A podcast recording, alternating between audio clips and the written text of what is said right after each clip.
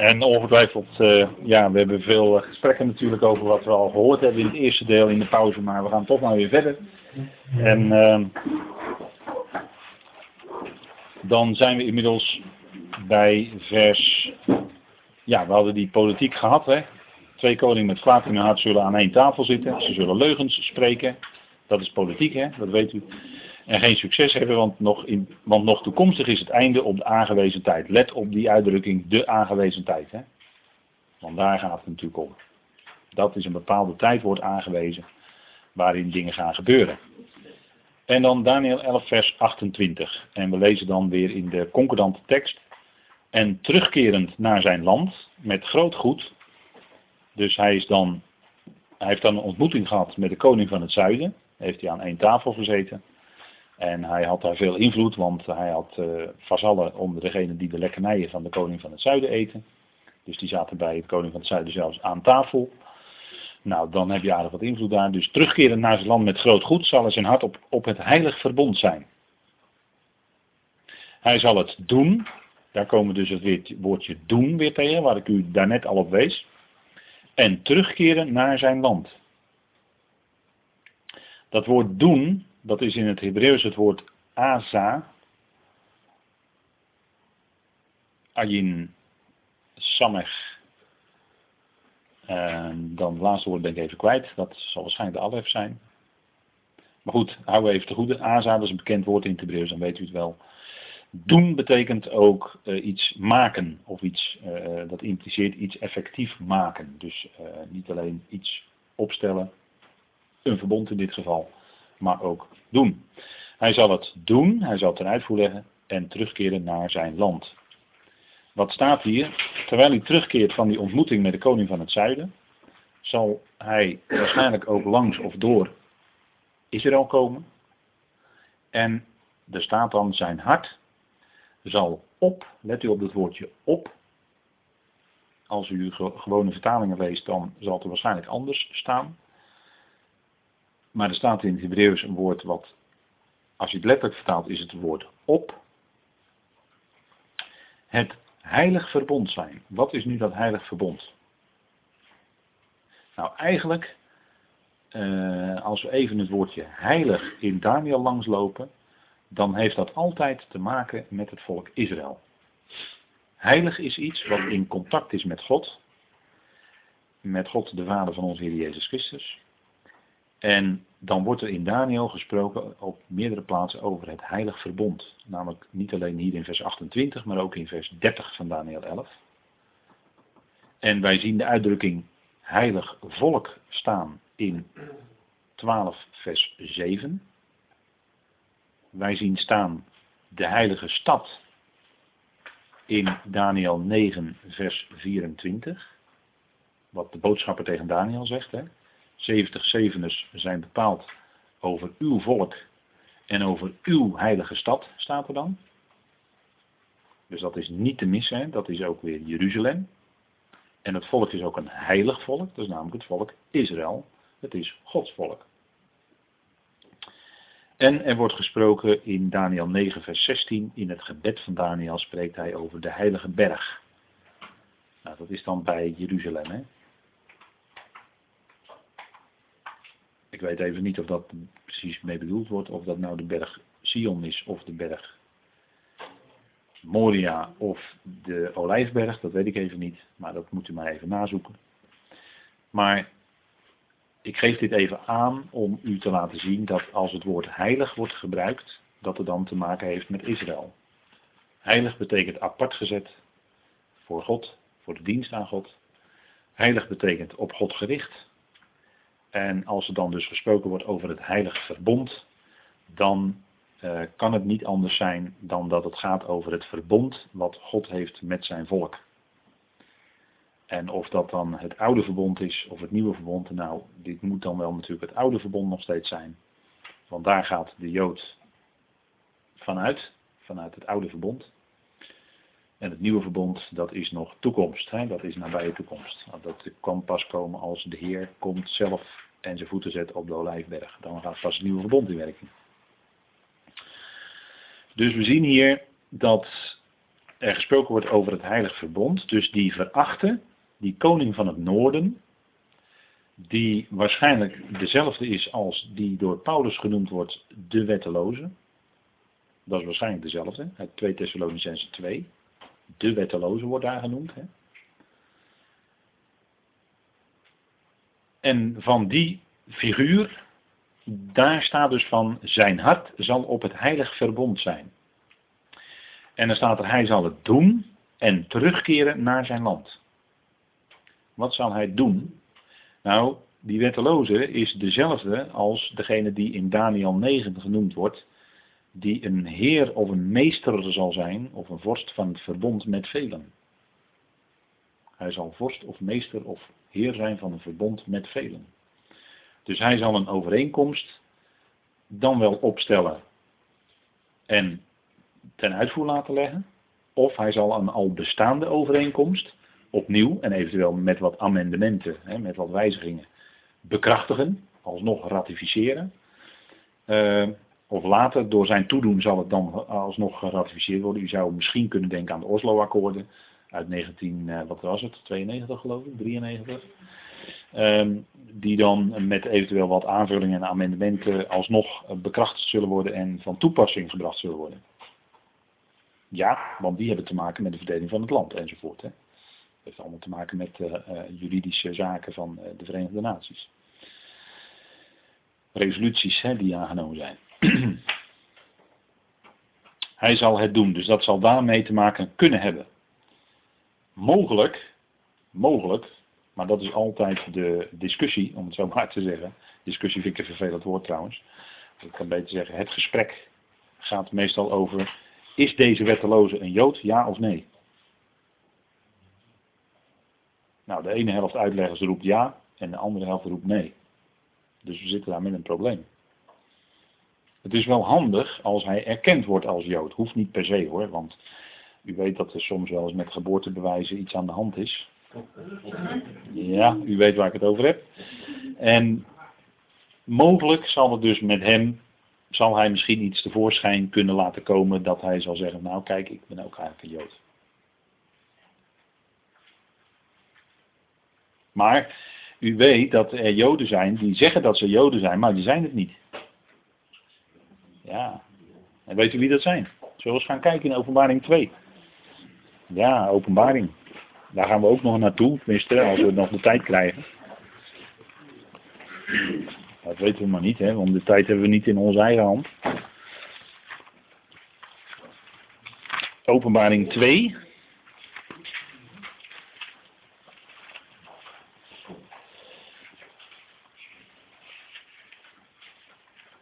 En dan gaat het om de brief aan Smyrna.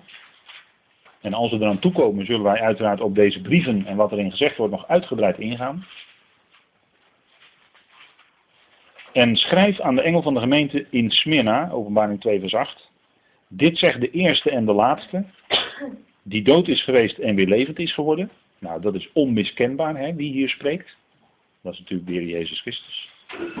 Ik ken uw werken, verdrukking en armoede, u bent echter rijk en ik ken de lastering van hen die zeggen dat zij Joden zijn, maar het niet zijn. Zij zijn namelijk een synagoge van de Satan. Dat is nogal een duidelijke uitdrukking. Het leerhuis van de tegenstander is dat dus. En uh, daartoe behoren zij dus, die zeggen dat zij Joden zijn, maar ze zijn het niet. En ja, goed, wie dat zijn, daar ga ik nu niet op in. Of wie dat mogelijk kunnen zijn, laat ik voorzichtig zeggen. Wie dat mogelijk kunnen zijn. Daar gaan we nu op in. Maar in ieder geval, als we dus die wetteloze, eh, als hij zich wil afficheren of zichzelf wil laten identificeren als zijnde Jood, dan is dat heel goed mogelijk, want daar lopen we nogal wat rond. Hè. Die zeggen dat ze Joden zijn, maar ze zijn het niet. En als het de synagoge van de Satan is, nou ja goed, die wetteloze is ook uh, gelieerd heel sterk aan de tegenstander. Hè. Dus dan zit je in hetzelfde, in hetzelfde vaarwater, om het zo maar te zeggen. En uh, deze uitdrukking, die zien wij ook staan in uh, een andere brief. Dat is namelijk in hoofdstuk. Um, hij komt namelijk nog een keer voor. Dus dat is nogal wat hoor. Wat er dan gezegd wordt. Dus dat is nogal een heel belangrijk gegeven in die tijd. Ja, dat is de brief aan Philadelphia, de zesde brief. Dat is openbaring 3, vers 9. En dan staat er, zie, ik geef u enigen uit de synagoge van de Satan, van hen die zeggen dat zij Joden zijn en het niet zijn, maar liegen. Nou, dat is ook weer erg duidelijk hè, wat hier staat. Zie, ik zal maken dat zij komen en aan uw voeten aanbidden en erkennen dat ik u lief heb. Dus uh, u ziet dat dat een, in die tijd, in de eindtijd, want dan zullen deze zeven gemeentes daar zijn. Die zullen er in de eindtijd zijn, ten tijde van de grote verdrukking. dit zijn Joodse christengemeentes die hier uh, aangesproken worden. En die synagogen van de Satan, dus degene die zeggen dat ze Joden zijn, maar ze zijn het niet, die zullen dan in die tijd ook een hele belangrijke rol spelen op het wereldtoneel. En deze wetteloze, dan gaan we even terug naar Daniel 11, die zal dus binnen, dat zal dus binnen die grote overeenkomst zo zijn. Hè? Hij zal een verbond vastmaken met velen, staat er in Daniel 9. En een onderdeel daarvan zal ongetwijfeld zijn dat de Joden zelf hun godsdienst mogen handhaven in het land. En het is heel goed mogelijk, en ik denk ook heel stellig, dat er dan een tempel zal zijn. in ieder geval een heiligdom. Een tempel is een heiligdom. Hè? Dus er zal een heiligdom zijn. Want ze beschikken over de, uh, uh, alle middelen. Tempelinstituut om binnen drie of zes maanden geloof ik een hele prefab-tempel op te richten met alles erop en eraan. dus al het gerei, hoge priester kan, uh, alles, alles kan zo gaan gebeuren. Of verdienst. Ze hebben de rode koe. Ze hebben de rode koe. Hè? Dus het as der ontzondiging kan ook weer gestrooid worden enzovoort. Dat hele ritueel kan allemaal gaan gebeuren. Dus als daar een tempeldienst is, zullen de Joden natuurlijk eisen dat ze dat zullen voortzetten. Dat zal een onderdeel zijn van die grote overeenkomst. Dus natuurlijk een, wordt dan een grote vredesovereenkomst, wordt dat, waarin ineens vrede zal zijn, althans schijnbaar, in het Midden-Oosten. Het zal ineens allemaal voor elkaar zijn, door toedoen van die wettelozen. Meester van het verbond met velen. En een onderdeel daarvan is heel logisch dat dat heilige verbond, zullen de Joden eisen dat zij de offerdienst mogen doen in Israël. In Jeruzalem. Dat kan niet anders. En dat blijkt ook uit uh, andere teksten hoor. Dat het, uh, want we weten natuurlijk, hè, hier, dit zal waarschijnlijk dit vers, uh, daar zitten we heel dicht tegen het begin van de laatste jaarweek van Daniel aan. Dat kun je ook hier afleiden in het elfde hoofdstuk. Hè. Dus vandaar, het zal niet alleen een man zijn maar met woorden, maar hij zal ook daden hebben. Hij zal het doen. Hij zal dingen effectief maken. En vandaar dat hij natuurlijk op het wereldpodium grote succes zal oogsten. Want er zijn natuurlijk heel veel die een heleboel woorden spreken, maar niet doen in onder politici. Maar hij zal er eentje zijn die de woorden spreekt en het doet het ook nog. En als hij ook nog ervoor zorgt dat de Joden dan hun offerdienst, dan zullen de Joden hem misschien wel als hun Messias gaan, gaan zien. Of als een Messias figuur, die het voor hen voor elkaar bokst. En als hij de schijn kan wekken dat hij een Jood is, en, en vaak wordt er dan gezegd, ja het zal waarschijnlijk iemand zijn uit de stam Dan, Weet u wel, de antichrist hè? van die studies. De antichrist komt waarschijnlijk uit de stam Dan. Nou, de tijd ontbreekt nu, maar daar gaan we dan de volgende keer nog wel op, over hebben. Of dat zo is, ja of nee. Ehm, want meestal wordt er dan gezegd van ja, want als die 144.000 genoemd worden in openbaring 7, hè, dat zijn dan die het evangelie van het koninkrijk gaan prediken, dan staat een, de stam dan er niet bij. Dat klopt, maar als we in Ezekiel kijken, Ezekiel 647, dan is er wel degelijk een zegening in het land, of een lotdeel, voor de stam dan. In het koninkrijk. Dus die krijgt wel, zegen, wel degelijk zegen in het koninkrijk. Dus het is maar zeer de vraag of de antichrist, zoals altijd gezegd wordt, komt uit de stam dan. Waarschijnlijk, hè, wordt dan vaak gezegd. Dat is nog maar zeer de vraag dan. Als je die dingen zo op een rij zet. Maar goed, dat even terzijde gaan we de volgende keer nog wel wat dieper op in. In 11 vers 28, dan zitten we eigenlijk, omdat het heilig verbond ook genoemd wordt, en omdat hij het doet, zijn uitvoer legt, zitten we eigenlijk min of meer in het begin van de 70ste week van Daniel 9 vers 27. Dus dat heilig verbond wordt als ware voor de Joden bekrachtigd. Zij mogen hun offerdienst gaan instellen. Zij mogen een tempel oprichten. En uh, het zal allemaal natuurlijk anders aflopen dan zij op dat moment denken, maar er zal door die grote overeenkomst, doordat misschien eindelijk die Oslo-akkoorden met nog wat aanvullende voorwaarden in werking treden, zo zou je dat misschien kunnen voorstellen, uh, er zal er ineens vrede komen in het Midden-Oosten en dan zal de hele wereld natuurlijk opgelucht ademhalen. Eindelijk is er daar vrede, eindelijk. Dan kunnen we eigenlijk een beetje tot rust komen. En hij zal natuurlijk iemand zijn die allerlei andere problemen ogenschijnlijk ook ineens weet op te lossen. Allerlei crises weet te bezweren enzovoort. En zal nou, een tijd zijn waar iedereen hem misschien wel gaat eh, aanbidden als een ware Messias. Dit, dit is hem, dit is de Messias. met misschien heel veel mensen die, uh, die denken van ja, nee, dat, dat is hem vast wel. Nou, een aantal, heel aantal Joden zullen dat ook denken namelijk. Want vandaar dat ik eronder heb gezet een valse Messias zullen zij aannemen. Johannes 5 vers 43, daar zegt de Heer Jezus tegen de Joden dat hij, hij, de Heer Jezus, komt in de naam van zijn vader. Maar hij zegt dan tegen de Joden, als er iemand komt in zijn eigen naam, die zullen jullie aanvaarden. Die zullen jullie wel aanvaarden. En zij wilde de Heer Jezus, in Johannes 6 vers 15, met geweld koning maken. Staat daar, hè? Johannes 6 vers 15. Ze wilden hem met geweld koning maken, maar nee, het was nog niet de tijd.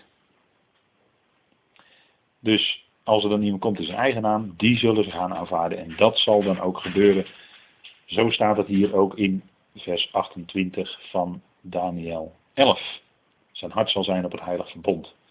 Hij zal zich populair maken bij een deel van het Joodse volk, doordat hij dat weet te bewerkstelligen. En u ziet hier even een overzichtje. Daniel 11 vers 28 is het begin. Daniel 11 vers 30 31 is het midden van de laatste jaarweek. En Daniel 11 vers 32 en 35 is eigenlijk een weergave van de grote verdrukking. En dat is dan heel specifiek voor de Joden bedoeld. Daniel spreekt heel specifiek voor het eigen volk, voor de Joden, die dat dan allemaal zullen kunnen herkennen. Dan staat er in Daniel 11, vers 29, op de aangewezen tijd, daar hebben we het weer, hè, op de aangewezen tijd. Het woord tijd staat tussen vierkante haken, dus het staat er eigenlijk niet. Maar we kwamen dat woord die aangewezen era of tijd kwamen we net ook al tegen, in de eerdere versen. Zal hij terugkeren en in het zuiden komen. Het zal niet worden gelijk de eerste, nog gelijk de laatste. Dus er komen als het ware drie confrontaties van de koning van het noorden met de koning van het zuiden. En er staat hier bij de tweede confrontatie staat dat het zal niet worden gelijk de eerste, nog gelijk de laatste. Dus dat zal anders verlopen.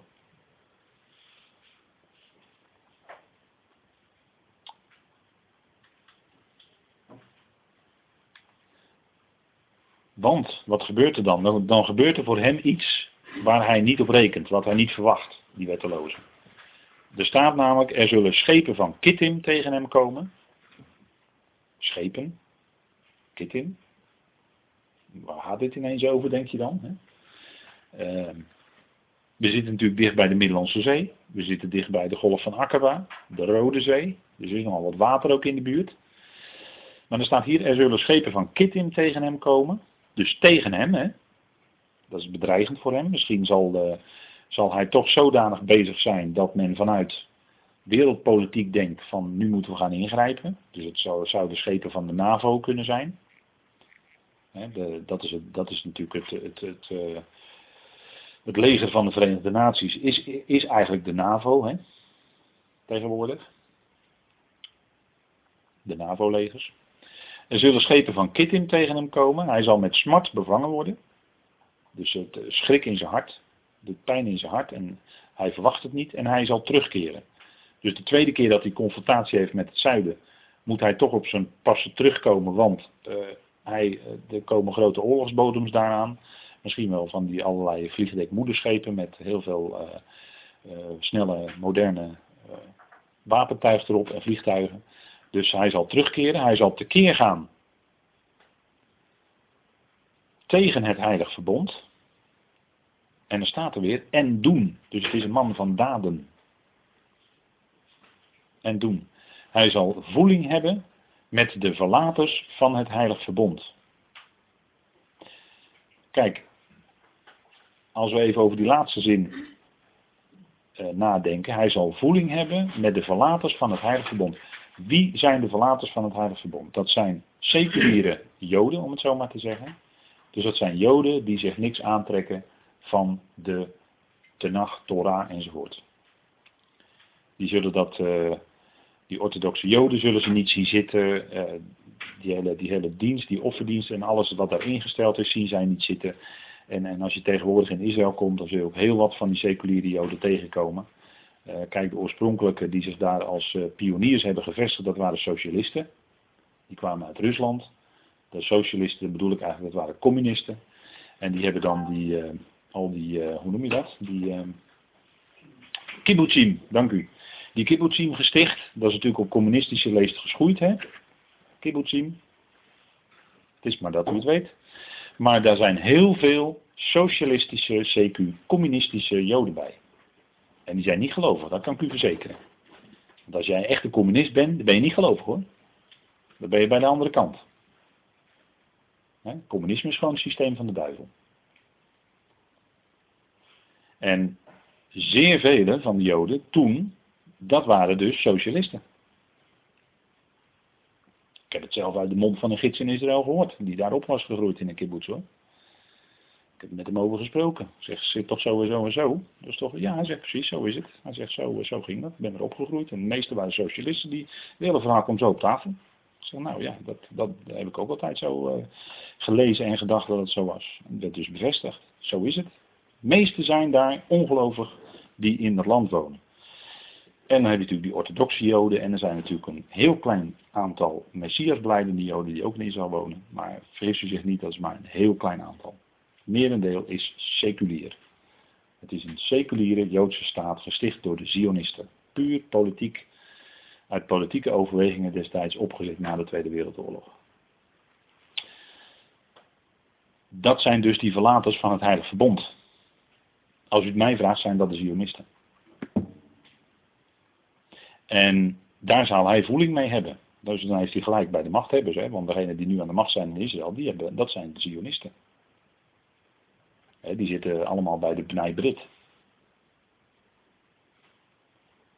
En ehm, dan, omdat hij dus, uh, hè, omdat ze kennelijk, kennelijk uh, op een of andere manier voelt hij zich bedreigd. En dan gaat hij ook zijn ware gezicht laten zien. Maar nu zitten we ook eigenlijk op het midden van de jaarweek en dan gebeurt er heel wat. Nou, Kittim, daar wordt vaak van gezegd dat is Cyprus. Dat is een mogelijkheid, maar um, als je de schrift erop naslaat, dan is dat niet zo zeker. Je zou kunnen denken aan de noordelijke kustgebieden van de Middellandse Zee. Dus dan zit je in het huidige Turkije. Zuid-Turkije met al die uh, toeristische badplaatsen waar je het hele, hele jaar door in de zon kan liggen. Maar dat soort plaatsen allemaal, daar, die zijn, dat, daar zijn ook havens en mogelijk dat daar zo'n uh, vloot gestationeerd is. En nou is er in Cyprus ook wel iets gestationeerd. Maar je zou het kunnen denken aan, de, aan die kustlanden daar. Die kusten van, Dus of Kittim, of dat echt Cyprus is, dat is maar even de grote vraag. Maar in ieder geval komen er allerlei schepen, kennelijk oorlogsbodems. En dat zal hem verschrikken en hem bedreigen. En dan gaat hij ook meer zijn ware gezicht laten zien.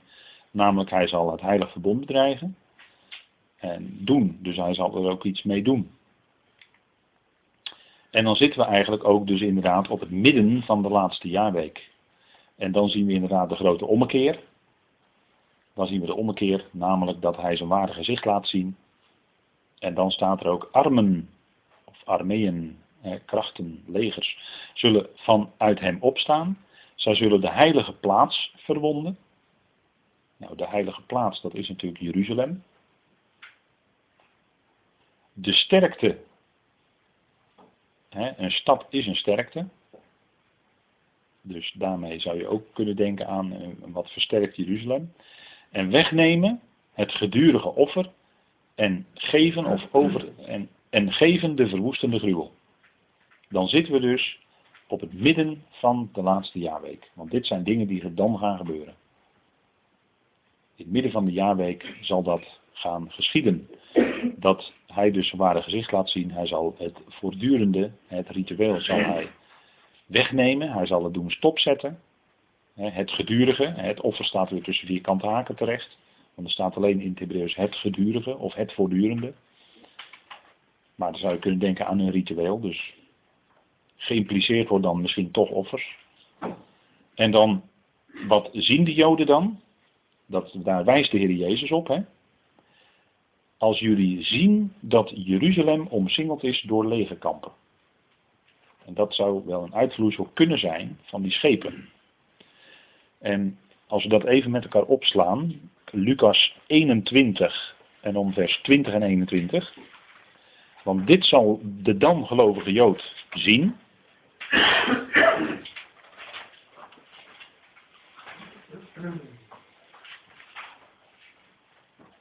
En de Heer Jezus uh, spreekt dan gewoon erg duidelijk, hè, dat moment. Althans, altijd hoor, maar goed. Uh,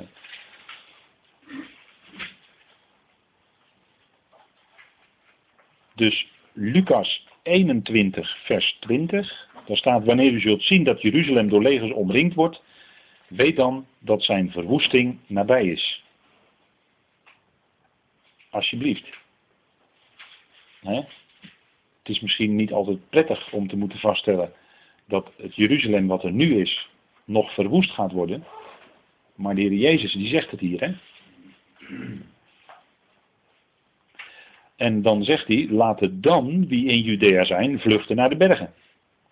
En wie in het midden, Jeruzalem staat hier schuin gedrukt heen, de herziene statenvertaling, maar eh, bedoeld wordt natuurlijk ook Jeruzalem. Hè?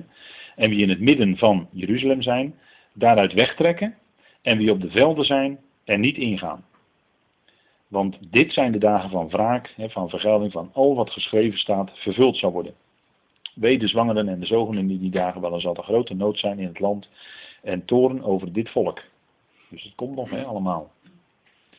En dat is dezelfde bewoordingen lezen wij ook in Matthäus 24, hè, waarin de Heer Jezus zegt, en dan gaat het dus om die gruwel, als we die tekst er even naast leggen, dan kunnen we even mooi schrift met schrift vergelijken. Matthäus 24, vers 15. En er staat, wanneer u dan de gruwel van de verwoesting, waarvan gesproken is door de profeet Daniel, zult zien staan in de heilige plaats, laat hij die het leest daarop letten, laten dan zij die in Judea zijn vluchten naar de bergen. Wie op het dak is, moet niet naar beneden gaan om iets uit zijn huis te halen.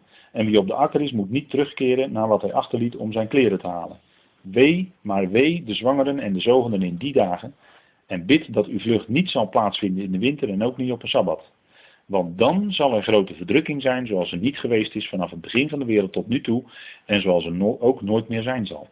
Is, dit is hetzelfde hè, als wat we net lazen in Lucas 21. Alleen in Lucas 21 lezen we dus dat dan Jeruzalem door lege kampen is omsingeld. En daarom moeten ze maken dat ze wegkomen. En dat lees je dan weer niet in Matthäus 24, die lege kampen. Maar het zal dan wel zo zijn. Want dat moet je dus naast elkaar leggen en dan krijg je het totale plaatje. En dat is dan Daniel 9, vers 27. Nou, dat, dat is die gruwel van de verwoesting. Hè? Daar verwijst de Heer Jezus naar. En dan zitten we dus op het midden van de jaarweek. En wat gebeurt er dan nog meer na openbaring 12? Dan wordt de Satan uit de hemel op de aarde geworpen. Er komt oorlog in de hemel, staat er dan. Daniel, of, uh, openbaring 12. Michael en zijn engelen strijden tegen de draak. En de draak wordt dan op de aarde geworpen. En dat, is dan, dat, dat markeert ook het midden van de jaarweek. Want dan zal er een enorme verdrukking zijn. En dan zullen, zal uh, die uh, draak met zijn hand langs de keer gaan. 1260 dagen lang staat. De dagen worden precies aangegeven voor de gelovige Jood. Hè? Het zal 1260 dagen duren en een vrouw die dan moet vluchten, die zal haar plaats hebben in de woestijn, waarvan wij geloven dat het Petra is, de rotstad Petra in Jordanië notabene. En daar zullen zij bewaard worden door de Heer voor de toren van de draak.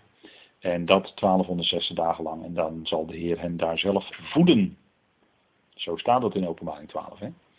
Dus die Satan wordt uit de hemel geworpen. Die zal dan ook allereerst van de wetteloze zelf de aanbidding opeisen. Dus het eerste wat die wetteloze moet doen is op zijn knieën vallen.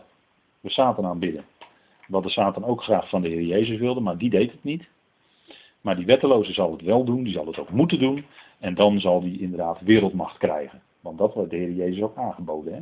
Van als je aan mij aanbidt, dan zul je al die koninkrijken die ik je nu getoond heb van de aarde, die zul je krijgen.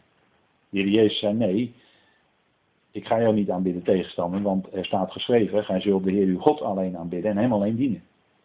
Dus hij pareerde met er staat geschreven. Hè? En die wetteloze zal dus wel zijn knieën buigen en die Satan aanbidden. En op grond daarvan zal hij dan die wereldmacht krijgen. En dat heeft consequenties, want wat moet hij dan doen? Dan moet hij natuurlijk de aanbidding aan de enige ware God, de God van Israël, stopzetten. En dat gebeurt dan ook in Jeruzalem. Dan zal hij dat moeten stopzetten.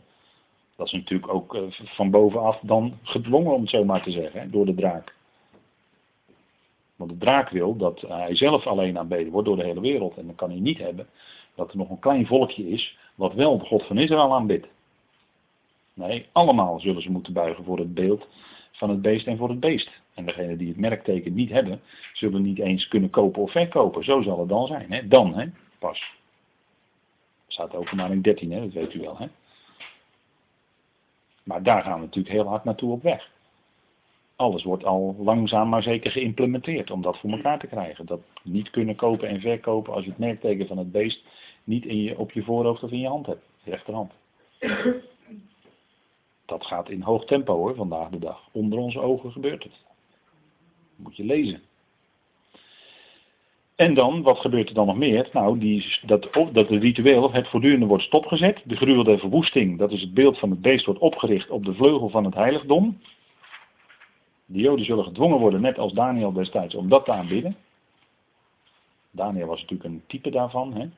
Die moest uh, dat beeld van Nebuchadnezzar gaan aanbidden. Dat was natuurlijk een type of een profetische aanduiding van dat het volk moet gaan buigen en het beeld van het beest moet aanbidden. Wat dan opgericht wordt in Jeruzalem, notabene, op de vleugel van het heiligdom. En dan, wat doet dan die wetteloze? Die zal zich in de tempel van God zetten en zich aanbidden als was hij zelf God. Dus ze moeten hem en dat beeld van het beest gaan aanbidden. Doe je het niet, dan word je onthoofd. Ja, ik zeg het even heel droog en heel plastisch, maar zo zal het dan zijn. Dan word je gedood. Op straffen des doods is je dan. Verplicht wordt dat de enige wereldreligie. Verplicht doe je niet mee, dan krijg je de doodstraf. En dan zeg ik het gewoon even rechtuit in onze bewoordingen, dat iedereen het goed kan begrijpen. Dat gaat gebeuren. En dat is wat ook dan hier wordt aangegeven in Daniel 11, vers 31. Dus dan zitten we in het midden van deze laatste jaarweek. Nou, en dat gaat dus allemaal hierom, om Jeruzalem, de stad van de grote koning. En daar zal dan ook het brandpunt zijn van de wereld. Hè? En uh, daar zullen dan ook de twee getuigen gaan optreden, weet u wel. De twee getuigen die gedood gaan worden. En de wereld zal er zo blij mee zijn dat ze elkaar cadeautjes gaan sturen. En ze zullen dan liggen daar op de straat drieënhalve dag lang. Van de stad die geestelijk genoemd wordt Sodom en Egypte staat er dan. Dat is openbaring 11. En dan na drieënhalve dag, dan zal iedereen verbijsterd zijn, want dan staan ze op uit de dood. Dan komt er ineens een levensgeest in hen en staan zij op. Ongelooflijk, maar het gebeurt. En uh, dat zal uh, ook een stukje redding zijn. Goed, wij eh, laten het hierbij voor vanavond, want het is alweer de hoogste tijd.